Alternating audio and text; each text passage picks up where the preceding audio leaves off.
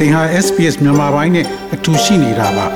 sbs.com.au/burmese မှာပုံမထူးခဲ့တဲ့သတင်းစာမားတွေကိုရှားဖွေပါ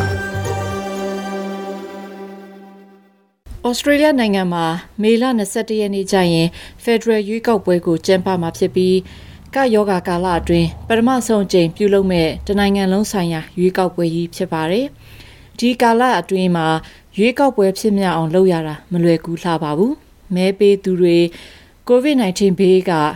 လုံခြုံဘေးကင်းစွာမဲပေးနိုင်အောင်ရွေးကောက်ပွဲကော်မရှင် AEC ကလှုံ့ဆော်ရတာဖြစ်ပြီး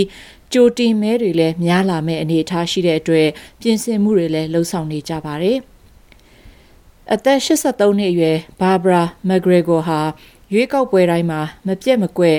ကိုယ်တိုင်သွားရောက်ပြီးမဲပေးသူဖြစ်ပြီးတော့ဒီရွေးကောက်ပွဲဟာကာယောဂါကာလမှာကျင်းပတယ်ဆိုပေမဲ့လည်းမဖြစ်မနေမဲပေးဖို့တားဆူနေသူဖြစ်ပါတယ်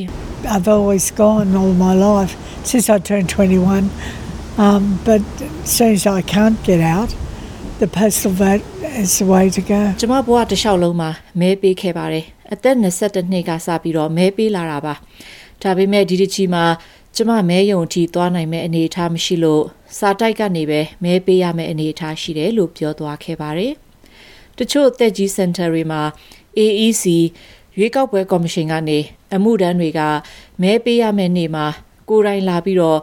မဲပေးနိုင်အောင်ဆောင်ရွက်ပေးပေမဲ့တချို့လူတွေကတော့ Miss McGregor လိုပဲစာတိုက်ကနေတဆင့်မဲပေးကြမှာဖြစ်ပါတယ်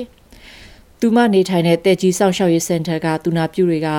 အဲ့ဒီမှာနေထိုင်တဲ့တက်ကြီးတွေ စာတိုက်ကနေတဆင့်မဲပေးနိုင်အောင်ကြိုတင်လျှောက်ထားမှုတွေလှုံ့ဆော်ပေးထားပြီးဖြစ်ပါတယ်။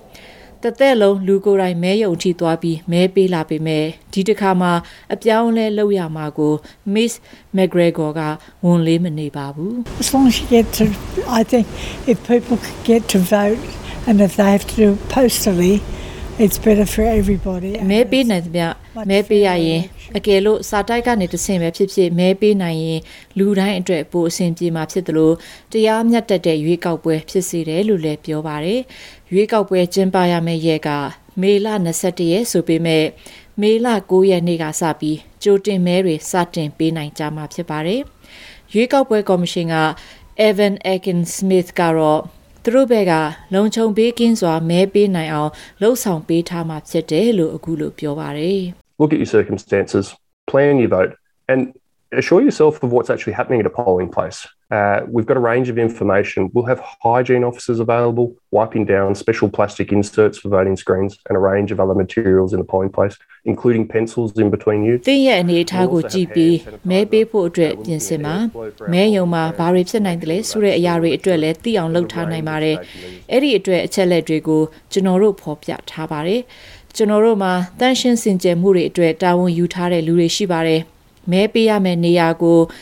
တန့်စင်စွာတုပ်ပေးထားတာမျိုးတွေနဲ့လူတွေမဲပေးတဲ့အခါမှာအသုံးပြုတဲ့ခဲတံတွေကိုတယောက်သုံးပြီးတဲ့အခါတိုင်းတန့်စင်ပေးတာမျိုးတွေလည်းလှုံ့ဆော်ပေးမှာဖြစ်ပါတယ်။လက်တန့်စင်ဆေးဆေးရည် hand sanitizer တွေကိုလည်း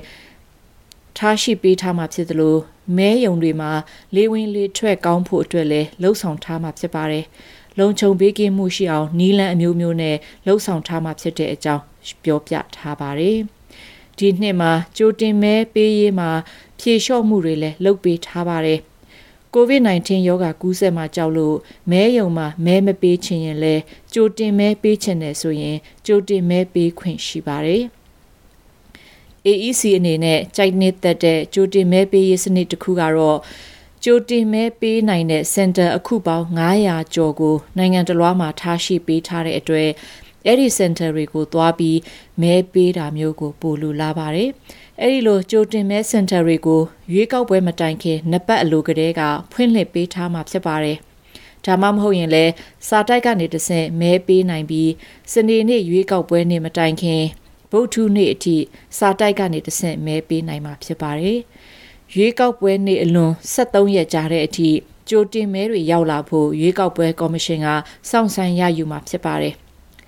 အမေရိကန်နိုင်ငံလိုအွန်လိုင်းပေါ်ကနေတဆင့်မဲပေးခြင်းကိုတော့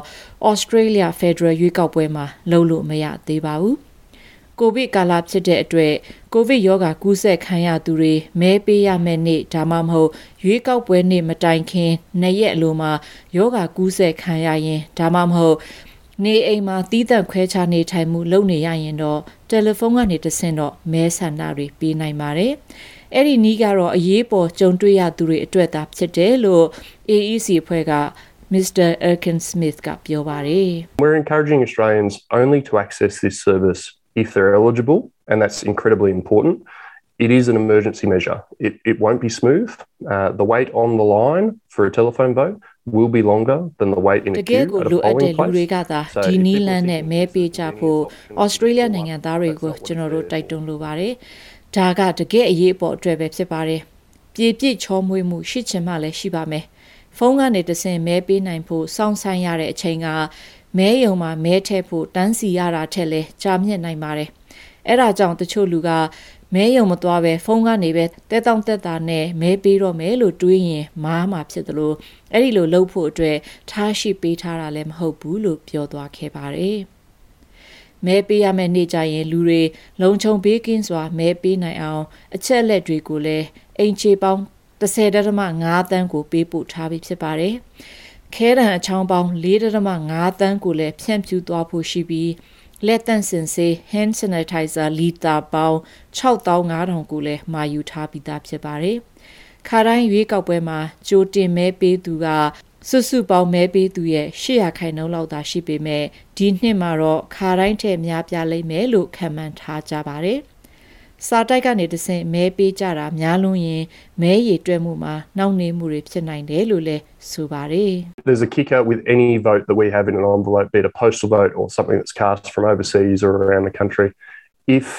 there are more votes in envelopes, the harder it will be to get an indication. စာအိတ်ထဲကမဲတိုင်းမှာအခက်အခဲတွေရှိနိုင်ပါတယ်။စာတိုက်ကနေတဆင့်ထဲတဲ့မဲပဲဖြစ်ဖြစ်ပြည်ပကနေရောက်လာတဲ့မဲပဲဖြစ်ဖြစ်အခက်အခဲတွေရှိနိုင်ပါတယ်။ စာအိတ်ထဲကနေတဆင့်မဲပေးမှုများလေလေမဲရည်တွက်မှုအတွက်ပိုခက်လေလေဖြစ်ပြီးဘယ်ပါတီအစိုးရဖြစ်မလဲဆိုတာကိုညတွင်ချင်းသိနိုင်ဖို့ကပိုခက်မှာဖြစ်တယ်လို့ရှင်းပြခဲ့ပါတယ်။ပြည်ပနိုင်ငံမှာရောက်နေတဲ့ဩစတြေးလျနိုင်ငံသားတွေအတွေ့အစီအမံတွေလည်းချမှတ်ပေးထားပါတယ်။ အာရှတိုက်မြောက်အမေရိကအာဖရိကနဲ့ဥရောပတခွင်မှာရှိတဲ့မဲယုံဆက်ခုကိုလည်းဩစတြေးလျနိုင်ငံနဲ့ဆိုင်တဲ့နေရာတွေမှာဖွင့်လှစ်ပေးမှာဖြစ်ပါတယ်။မဲယုံမှာမဲမပေးနိုင်တဲ့လူတွေစာတိုက်ကနေတဆင့်မဲပေးနိုင်အောင်လဲစီစဉ်ပေးထားပါတယ်။ Rose Deeringer ဟာ အရင်နှစ်အောက်တိုဘာလကစပြီးလန်ဒန်မြို့မှာနေထိုင်သူဖြစ်ပြီးသူကတော့လူကိုယ်တိုင်မဲယုံအထိသွားပြီးမဲထည့်မယ်လို့ပြောပါတယ် as a young person, I want to travel and I want to see the world, but in doing that, that doesn't mean I don't care about what's going on back home. Like I, I've လူငယ် got တူ political ပီပီကျမက interest, ခီးသွားရတာကိုနှစ်သက်ပါတယ်ကဘာကြီးကို in မြင်တွေ့ politics. ချင်ပါတယ်ဒါပေမဲ့အဲ့ဒီလိုလောက်တာနဲ့ ဩစတြေးလျမှာဘာတွေဖြစ်ပျက်နေတယ်လဲဆိုတာကိုဂရုမစိုက်တော့တာမျိုးတော့မဟုတ်ပါဘူးကျမကနိုင်ငံရေးကိုစိတ်ဝင်စားပါတယ်တက်ကရိုမှာအဲ့ဒါတွေကိုလေ့လာခဲ့ရတယ်လို့ပြောပြခဲ့ပါတယ်ဆစ်ဒနီမြို့မှာတော့ဘာဘရာမက်ဂရဂေါကမဲပေးခွင့်ရှိသူတိုင်းကိုအခုလိုအမှားစကားပြောကြားထားပါတယ် I think it's important for everybody. I mean, if you don't vote, then you you deserved what government you get. I think voting is really important, and particularly for women because they fought very hard for it. လူတိုင်းအတွက်အရေးကြီးတယ်လို့ထင်ပါတယ်အကယ်၍သင်ကမဲမပေးလိုက်ဘူးဆိုရင်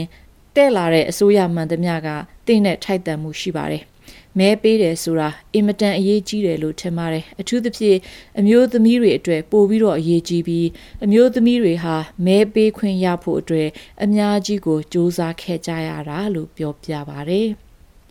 ခက်ခက်ခဲခဲနဲ့စူးစမ်းလို့ရလာတဲ့အခွင့်အရေးဖြစ်သလိုတာဝန်တရားလည်းဖြစ်တဲ့အတွက်မဲပေးခွင့်ရှိသူဩစတြေးလျနိုင်ငံသား18တန်းတွေမဲပေးကြဖို့လည်းတိုက်တွန်းထားတဲ့အကြောင်းရေးထားတဲ့ Thais Okuzi ရဲ့ဆောင်းပါးကိုတင်ဆက်လိုက်ပါရရှင်။ SPS မြန်မာပိုင်းကို Facebook ပေါ်မှာ like ရှာပြီး like မျှဝေမှတ်ချက်ပေးပါ